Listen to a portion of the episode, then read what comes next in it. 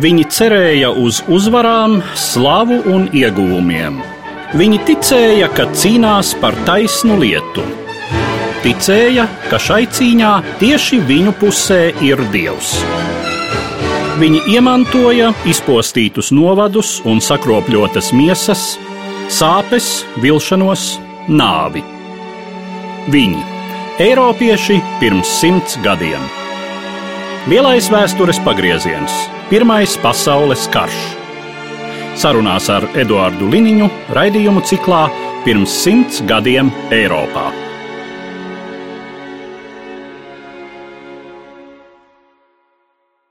Labdien, cienījamie klausītāji! Šodien mēs pievēršamies notikumiem pirms apmēram simts gadiem īrijā. Proti, runa ir par tā saucamo lieldienu sacelšanos Dublinā un dažās citās īrijas vietās 1916. gada aprīļa beigās. Mans sarunbiedrs studijā vēsturnieks Edgars Engīzers. Labdien! Labdien! 1916. gadā īrijā bruņota sacelšanās notiek daudziem diezgan negaidīti. Tai īsti nav gatavas Britu varas iestādes, un tai īsti nav gatavi arī daudzi sacelšanās dalībnieki. No otras puses, sacelšanās ir gatavota. Tā ir sava organizatoriskā bāze, bet pirms mēs runājam tieši par notikumiem 16. gadā, varbūt pievērsīsimies mazliet tai priekšvēsturei, pēdējām desmitgadēm pirms šīs sacelšanās, jo īru un britu attiecības ir ar ļoti senu vēsturi, un uh, īrijas pakļaušana, iekļaušana Anglijas varas sfērā ir process ar gadsimtu vēsturi, sākas jau viduslaikos, un pastāvīgi ir šī rīvēšanās, kas vēlāk kļūst arī par ticību, par reliģisku uh, rīvēšanos starp anglikāņiem, protestantiem un katoļiem, kas ir lielākā daļa īru. Un uh, īru apspiešana no angļu puses sasniedz augstāko punktu 18. gadsimta beigās, kad uh, īri gan kā īri, gan kā katoļi ir, var teikt, lielā mērā beztiesiski, un mēs varam pat varbūt zināmā mērā salīdzināt tā brīža īru katoļu situāciju ar mūsu senču situāciju klaušu laikos vai dzimtbūšanas laikos. Pēc tam, ja mēs runājam par 19. gadsimta beigām, tad notiek zināmas izmaiņas.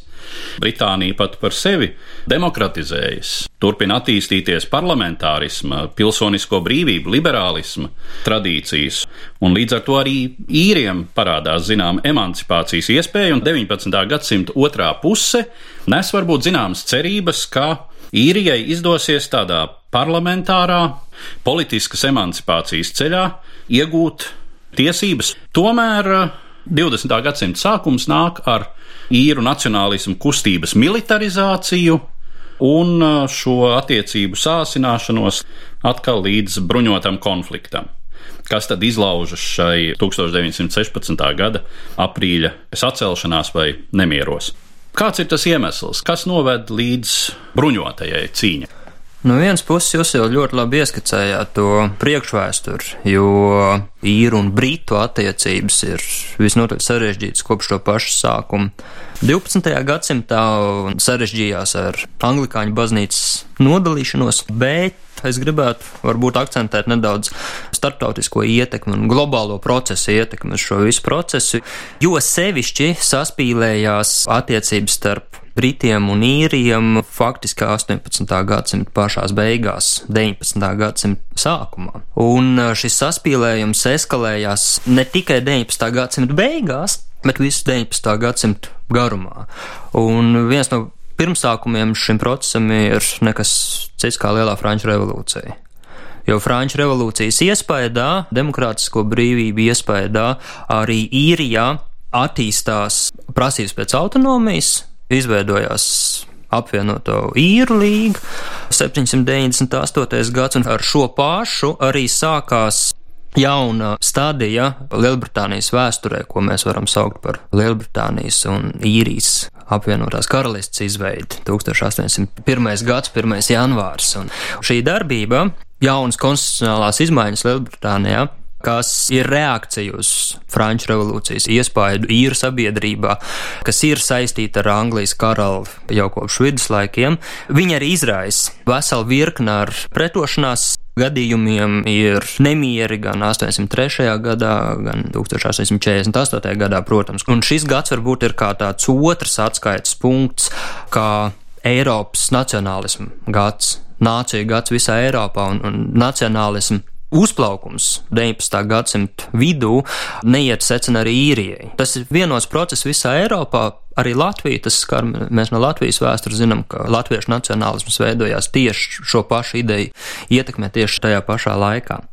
Otrs, kas ļoti būtiski ietekmē īru un britu attiecības, jeb īru un centrālās varas attiecības, ir Bācīrijā, Pirmais lielais vilnis 1740. gads, otrais daudz nozīmīgākais šajā kontekstā 1840. gads. Simts gadu laikā īrija izposta lieli bada Viļņi 840. gadā aptuveni miljons īri iet bojā, tikpat daudz aptuveni emigrē uz Amerikas Savienotajām valstīm. Šajā laikā, kas zināmā mērā sakrīt arī ar zelta druģu periodu, lielākā daļa no imigrantiem ASV nāk tieši no īrijas. Un šis būs ļoti, ļoti interesants arī atskaites punkts. Runājot par 916. gadu, jo tieši īru izcelsmes amerikāņi eh, ļoti būtiski ietekmē arī neatkarības idejas attīstību un tā skaitā arī iešanu uz militāru konfliktu ar Lielbritānijas varas iestādēm, jo mums arī ir jāatcerās, ka tie īri, kas ir emigrējuši, Viņi nezaudē savu saikni ar mājās policējiem pilnībā, un viņiem ir šī emocionālā saikne ar īriju, bet viņi ir ļoti vīlušies Lielbritānijas politikā. Tā varbūt ir zināma mācība arī runājot par migrācijas procesiem, kas notiek arī mūsdienās. Šis uh, 1840. gadu laiks ir tas posms, kad īru sabiedrība pilnībā saprot, ka Lielbritānijas politika nav viņiem par labu notiek iekšēja atsvešināšanās, neskatoties uz to, ka īrija ir Lielbritānijas sastāvā. Tur veidojās uh, šīs nacionālās kustības un uh, veidojās ideja par nacionālu īru valsti Lielbritānijas sastāvā vai Britu sadraudzības sastāvā, kas nerealizējās šajā laikā. Un tam iemesls ir paši īru politiķu neizdarības vai pārspīlējumi, ka mēs redzam Gēlu līgu, kas izveidojās 1893. gadā, kā galvenais nacionālais politiskais spēks. 905. gadā izveidojās leģendārā Sinfēna partija, kas tajā laikā ir ļoti margināla. Viņa nozīme iegūst tikai ir neatkarības kara laikā, desmit gadus vēlāk. Un šeit mēs varam likt tādu trešo atskaites punktu, kas ir Pirmais pasaules karš. Jo Ja mēs neievērotu šo, tad mēs nedaudz ignorētu arī pašu īru nacionālās idejas attīstības ceļu, kas iet autonomijas virzienā Lielbritānijas sastāvā, bet Pirmais pasaules karš aptur šīs idejas attīstību. Zināmā mērā arī īru šī radikalizēšanās ļoti ietekmē Pirmā pasaules kara gaitu jo Lielbritānija ir spiesta diezgan būtisks bruņotos spēkus, kā mēs zinām, Lielbritānijas sauszemes armija nekad liela nav bijusi, un liela daļa no šīs armijas bija koncentrēta pret īriju 1900. 14. un 15. jo sevišķi 16. un 17. gadā. Ar īru nacionālā kustība viņi ir saistīti gan ar īru emigrantiem Amerikā, gan arī ar Vāciju kas ļoti atbalstīja šķeltnieciskās kustības vai separatistiskās kustības Lielbritānijā, kā mēs viņus mūsdienās varētu varbūt modernā valodā nosaukt. Pirmā pasaules kara sākums, zināmā mērā, balstījās arī uz vācu ilūziju, ka Lielbritānija neiesaistīsies aktīvā kardarbībā gadienā, ja Vācija uzbruks vai nu Krievijai, vai nu Francijai, tādēļ, ka īrijas problēmas piesaistīs visu viņas uzmanību. Vēl jau vairāk Vācija arī darīja diezgan daudz, lai šis konflikts izvērstos militārā sadursmē, tā skaitā piegādāja ieročus, kas tajā laikā bija noliegts, pēc būtības jau no 914. gada zināmas ieroču piegādes īrijā ir, bet faktiski tas arī ir tas galvenais iemesls, kāpēc šis konflikts izvēršas militārā konfliktā. Konfrontējošām pusēm parādās ieroči kas ir Pirmā pasaules kara politikas, kontrabandas, militāro darbību, nemilitāro karu vešanas mehānismu sastāvdaļa. Pats sacelšanās ir gatavota, bet uh, viņi tiek arī apturēti centralizēta, tādēļ, ka galvenā ieroča krāva ar vienu no galvenajiem organizatoriem, Sir Roger Kasemānu, tiek apturēta uz vācu kuģu un īras atcelšanās, jeb šīs lieldienas atcelšanās organizatori izrēķina, ka ar esošiem spēkiem varētu nepietikt un izdod pavēlu par uzbrukuma apturēšanu. Tas, kas notiek 16. gada 24. aprīlī, tā ir pretestības kustības vai kaujinieku, viņas var saukt dažādi atkarībā no kuras puses raugās, tā ir pavēles nepildīšana. Jo neskatoties uz to, ka bija nolēmts apturēt sacelšanās šo militāro fāzi sākumu, atsevišķi vienību komandieri tomēr uz savu risku un savu galvu šo uzbrukumu sāk. Un te var redzēt arī to augsto sagatavotības pakāpi, jo izlūk informācija, ko īru pretošanās kustība bija ieguvusi par britu spēkiem īrijā, ir ārkārtīgi augstvērtīga. Viens dienas laikā tiek nošauti 19 izlūkdienas virsnieki, kas sāk jau turpmāko šo neatkarības kara fāzi, bet arī sacelšanās laikā Lielbritānija Dublinā un apkārtnē koncentrēja aptuveni 400 cilvēku lielu vienību. Ir pretošanās kustība aptuveni tūkstoši ir spējusi apbruņot uz to laiku. Un šī sacelšanās nav sekmīga, ja mēs skatāmies ilgtermiņā tādā politiskā griezumā, bet viņa ir ārkārtīgi sekmīga taktiskā ziņā, jo sacelšanās dalībnieki dažu stundu laikā ieņem strateģiskos punktus Dublinā un apkārtnē, 5-6 dienas noturšos strateģiskos punktus. Ja uzbrukums sākās Lieldienu pirmdienā, tad uz piekdienu pretošanās īru pusē ir gandrīz vai dubults pieaugums, 1600 cilvēku aptuveni. Tajā pašā laikā Lielbritānija ir koncentrējusi jau 18-20 tūkstošu spēku, lai apspiestu šo pretošanos, un pret šādu pārspēku šī sacelšanās tiek noturēta zinām laika sprīdi. Jāatzīmē, ka arī ir salīdzinoši neliels kritušo skaits sacelšanās dalībnieku pusē, mazāk par simtu. Pirmkārt, to nosaka aizsardzības kauju raksturs. Viņi ļoti ātri ieņem punktus, kurus ļoti ātri nocietina. To nosaka arī viņa cīņas taktika, ka viņi necīnās līdz pēdējiem vīram, bet viņi cīnās, un tad, kad viņi redzēja, ka šīs cīņas turpināt nav iespējams, viņi padevās. Saudzējot gan savu dzīvo spēku, gan ideju kā tādu. Un pēc kaujām, pēc sacelšanās apspiešanas, tiek sodīti ar nāvu tās vadoņi. Aptuveni 1500-600 cilvēki tiek apcietināti, ieslodzīti Lielbritānijā, ieviests kara stāvoklis, kurš līdz 1916. gada nogalē saglabājās. Bet uh, viena daļa pat no sacelšanās vadoņiem paliek dzīvi. Sevišķi tie, kas vēlāk jau iekļaujās īru neatkarības kustībā, ieņem vadošos amatus, zināmā mērā ar Savienoto valstu palīdzību. Jo jāatcerās arī, ka attiecības starp Amerikas Savienotajām valstīm un Lielbritāniju vēl kopš Amerikas neatkarības kara ir pietiekami saspīlētas. Un Lielbritānija Pirmā pasaules kara ēnā un iesākumā jau nevēlas riskēt ar šo attiecību pasliktināšanos un Amerikas iespējamo attālināšanos no iesaistīšanās Pirmajā pasaules karā. Līdz ar to šie globālie ģeopolitiskie procesi daudz vairāk ietekmē nelielo lieldienas atcelšanos, teiksim tā nelielo Pirmā pasaules kara mērogiem. Bet, ja mēs skatāmies uz īrijas mērogu un varbūt paši savam komfortam velkam zināmas paralēlas ar notikumiem Latvijā, tas pats 19. gads brīvības cīņas ir ļoti daudz paralēlas. Tajā pašā laikā jāatzīmē, ka īrijas republika kā mums pazīstams valstisks formējums savu neatkarību iegūst tikai 1949. gadā.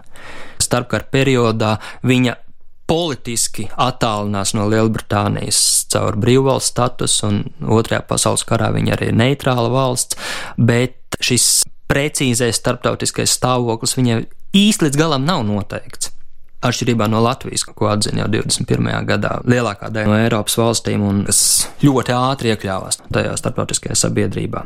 Man arī šķiet interesantas šīs paralēles starp um, īriju un Latviju. Pat drīzāk var būt pirmkārt paralēles starp 1905. gadu un konkrēti arī lieldienu sacelšanos, kur arī var saskatīt zināmu līdzību, bet ir arī būtiskas atšķirības. Nu, piemēram, tieši tas, kā jūs jau norādījāt, cik labi šī sacelšanās ir sagatavota. Tā ir skaitā militārā ziņā, jo tas varētu arī pārsteigt, ka šiem īru brīvības cīnītājiem ir ļauts tik salīdzinoši ilgi gatavoties un ko tad dara Britu drošības iestādes. Es saprotu, ka kādu laiku pirms kara periodā ieroču Sīrijā šīs organizācijas ieved pat legāli. Viņiem tas ir atļauts dibināt eh, strēlnieku biedrības, trenēties šaušanā, trenēties citos fiziskos, kā mēs šodien teiktu, paramilitāros sporta veidos vai disciplīnās kas absolūti nebūtu iedomājams tā laika Latvijā, Krievijas impērijas kontekstā, kur Ahranka, žandarmērija nu neko tādu nepieļauti. Ir viena ļoti būtiska atšķirība starp Latviju un Īriju, un šī atšķirība ir tāda, ka cariskajā Krievijā Latvijas nav. Ir kurzemes guberņi, ir vidzemes guberņi, un, un ir daži pagasti, daži apriņķi Vitebs guberņā izšķīdināti. Tādas Latvijas nav. Īrija savukārt ir ļoti izteikta autonomija. Papildus tam atšķirības starp 16. gadu un 5. gadu Latvijā ir tas, ka Latvijā daudz lielāku ietekmi bija ne tikai etniskais nacionālais moments, bet arī šķiriskais, arī sociāldemokrātiskās idejas. Tās politiskās vēsmas, kas Krievijā attīstījās tajā laikā, bija vairāk sociāldemokrātiskas. Īrijā uzvar nacionālās idejas, un tas arī ir tas iemesls, kāpēc Īrijā šī organizētība ir daudz lielāka. Vēlāk jau pēc sacelšanās apspiešanas viņai piekrīt arī sabiedrības atbalsts. Jo Uz 916. gada aprīlī sacelšanās dalībnieki nav populāri. Ir sabiedrībā. Viņi kļūst populāri tikai pēc apspiešanas, pēc nāves soda izpildes, kļūst par mocekļiem. Un te ir jāsaprot arī niansēta atšķirība starp protestantu sabiedrību tagadējā Latvijā, Baltijas provinces un uh, katolisko īriju. Šo atšķirību ir varbūt grūti nodot mutiski, bet tā morāla, ētiskā filozofija, kas valda sabiedrībā, viņi ir izteikti savādāk. Ja mēs runājam par militāro sagatavotību, tad īri piedalījās Lielbritānijas bruņotajos spēkos, un pietiekami daudz no viņiem bija arī pieredzējuši karotāji. Te gan var vilkt diezgan konkrēti paralēli ar latviešiem, jo nu, latvieši arī gan kalpoja Krievijas impērijas armijā, un ar entuziasmu devās cīnīties pret vāciešiem Pirmajā pasaules karā, to mēs arī atceramies. Galu galā, nu, latviešu strēlnieki, vismaz tad, kad tie sākumā veidojās, un tie lozungi bija ļoti pro-impēriski, pro-krieviski. Un līdzīgi jau arī netrūkst īru, kuri dodas karot par Britu impēriju Pirmajā pasaules karā. Nav tā, ka Britu militārie centieni tiek boikotēti simtprocentīgi īrijā. Tā ka ir tāds klātesošs ir arī šis Britānijas patriotisms, kad ir konkrētais ienaidnieks Vācija. Šis moments īrijā arī ir, un es saprotu, ka tas sacelšanās kontekstā rada pretrunas starp sacēlušamies un pārējo sabiedrību, jo tie īri, kuru ģimenes locekļi, vīri, brāļi, tēvi, dēli karo kontinentā tajā brīdī, tie uzskata, ka šie sacelšanās dalībnieki zināmā mērā šauj viņiem mugurā. Es gribētu vēlreiz atgriezties pie sacelšanās sākuma, vai precīzāk sakot, dažiem gadiem pirms sacelšanās, 912. gads, kad uh, Lielbritānija ar lielām mokām pieņem trešo pašpārvaldes aktu, kas īrijai dod ļoti plašas pašpārvaldes tiesības. Pirmos divus nepieņēma, neratificēja abi parlamenti, un šeit ir arī tā nianses, ka īrijā veidojās šis parlaments, kas ir paralēli likumdošanas iestāde, kas ir pakļauta Lielbritānijas parlamentam, bet tās attiecības ir ļoti sarežģītas savstarpējās. Un faktiski kopš 880. gadiem īrija cenšas panākt šo autonomiju, pašpārvaldes tiesības. Bet uh, 1912. gadā, kad beidzot tas tiek panākts, tieši pret šo pašpārvaldi sākās sacelšanās Ziemeļīrijā, Ulsterā. Un uh, šeit var teikt, ļoti spilgti parādās šis Ziemeļīrijas, Dienvidīrijas dalījums, kas nav tikai protestantu un katoļu dalījums, kas šajā pašā laikā ir arī republikāņu un uniātu ideju robežu zonu un bruņota sacelšanās sākās pret īru pašpārvaldi. Ziemeļīrijā, kad protestanti baidās, kad dēļ šīs Lielbritānijas nodrošinātās pašpārvaldes tiesībām, Ziemeļīrijas protestanti tiks nomākti ar īru katoļu vairākumu. Jo visā īrijā protestanti ir absolūts mazākums, bet Ulster un apkārtējie reģioni Ziemeļīrijā viņi ir ļoti izteikts vairākums. Jā, tas lozungs Home rule is Rome rule. īrijas pašpārvalde nozīmē Romas pārvaldi, tātad katolicismu dominanti. Jā, un līdz ar to šis konflikts sāk veidot paramilitāras vienības, sākotnēji īru protestantu aprindās, lai nodrošinātu integritāti ar Lielbritāniju pret šo pašpārvaldes aktu, kas izraisa attiecīgi arī bruņošanos un mobilizēšanos otrā pusē, kad īri sāk veidot savas paramilitārās vienības pašpārvaldes tiesību aizstāvēšanai, un faktiski šī konfrontācija sākās jau tad. Par pašu sacelšanās gaitu jūs jau šo to minējāt. Tātad Lielbritānija šo sacelšanos nebūdama lielā mērā taktiski sagatavot, tik organizētai, precīzai darbībai, kaut arī, kā jūs teicāt, tie ir tikai tie, kuri nepilda pavēles atsaukumu.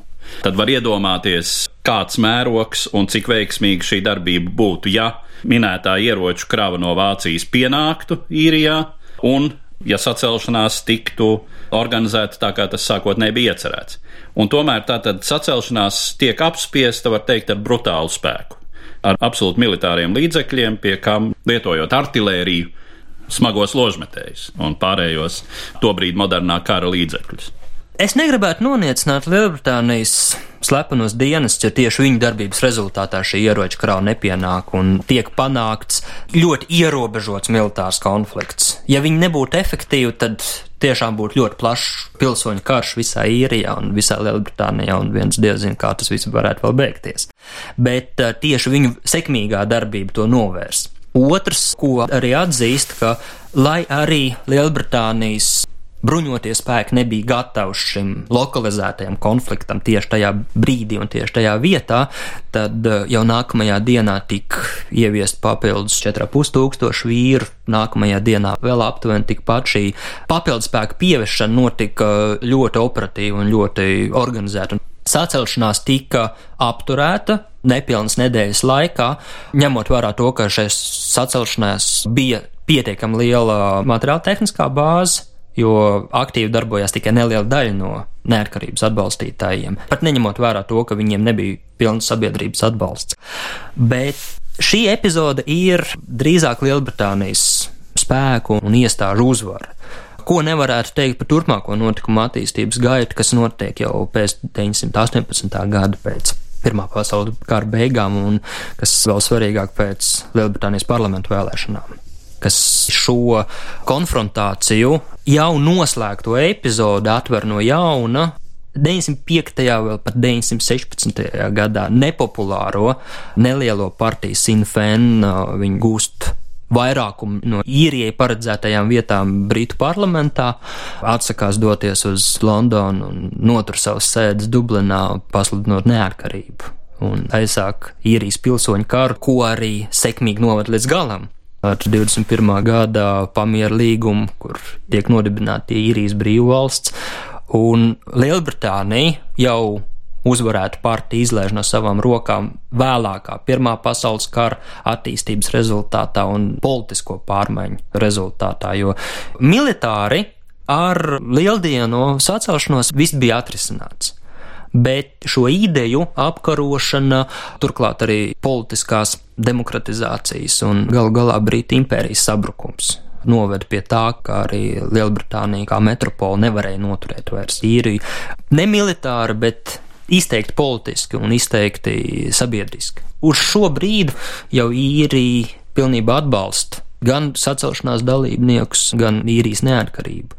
Tas attīstās tikai jau pēc 16. gada, un kad īrija daudz pasīvāk piedalās arī Pirmā pasaules kara gaitā Lielbritānijas armijas rindās. Jau līdz tam varēja redzēt duālu attieksmi pret īrijas katoļiem un īrijas protestantiem, kad valkot paralēlus ar latviešu strēlniekiem, īrijas katoļiem bija aizliegts veidot pat rotas līmeņu Nacionālās vienības. Tas gan bija atļauts īrijas protestantiem no Ulsteras apgabala. Ziemeļu dienvidu dalījums, kurš jau kopš Henrijas 7. laikiem ir nostiprinājies, viņš parādīs sevi visā savā krāšņumā. Kas tad notiek pēc 16. gada sacelšanās? Kas nosaka šo Lielbritānijas politisko zaudējumu pēc uzvarētas militāras cīņas, vēlreiz uzsverot, dublinieši pēc sacelšanās nebūtu nekaisa sacelšanās dalībniekiem. Ziedus pie kājām un tas sabiedrības noskaņojums Sākotnēji drīzāk ir tāds, ka tā ir, var teikt, bandītiska avantūra, kas ir atnesusi postījums pilsētai, kas ir atnesusi daudz civiliedzīvotāju upurus. Nu, saprotams, ja pilsētā šauja ar artēriju un ložmetējiem, un brīžiem jau arī sacelšanās dalībnieki vēršas pret tiem, kuri viņus pietiekami aktīvi neatbalsta, vai šur un tur nu ir gadījumi, kad eh, vietēji iedzīvotāji arī mēģina nepieļaut kaut kādu barikāžu celšanu vai pozīciju veidošanu viņu dzīves vai darba vietā. Tādi gadījumi arī ir, un tad nonāk līdz konfliktam jau starp civiliedzīvotājiem un šīs sacelšanās dalībniekiem. Bet pēc 16. gada sabiedrība noslēdz nepārprotami pilnīgas neatkarības izcīnīšanas virzienā. Īsa atbilde šo sarežģīto jautājumu, ņemot vērā sarežģītās attiecības starp īriem un britiem, ir uh, varas reakcija. Jo Tas viss sākās jau sacelšanās apspiešanas procesā, kas bija tie spēki, ko Lielbritānija iesūtīja īrija. Lielākoties tās bija žandarmērijas policijas palīga vienības, varētu teikt, zemesardzes tipu vienības, kas pret īriem izturējās ārkārtīgi slikti. Tā skaitā pret civiliedzīvotājiem, un radīja ļoti liels postījums infrastruktūrā bija pat gadījums, kad šīs uh, varviņas nedaudz salīdzināt arī ar soda ekspedīcijām cariskajā Krievijā nodedzināja pilsētu tikai tāpēc, ka pretošanās kustība tur aktīvi bija darbojusies. Un šī ārkārtīgi stingrā, pat pārlieku stingrā varas reakcija radīja iedzīvotājos šo noskaņojumu, kad attiecīgi tie cilvēki ir cīnījušies par īriju pozitīvā ziņā, kad ar Lielbritāniju kopējais ceļš īsti nav ejams tieši dēļ šīs represīvās politikas. Jāatzīmē jau arī ir tas, ka tie spēki, kas tika iesūtīti īrijā sacelšanās apspiešanai, ir pamatā no Anglijas, no Velsas. Tur ir valodas barjera, tur ir ticības barjera. Un uh, var teikt, ka ļoti liels kultūra konflikts starp šīm abām Lielbritānijas vai Britu impērijas sastāvdaļām.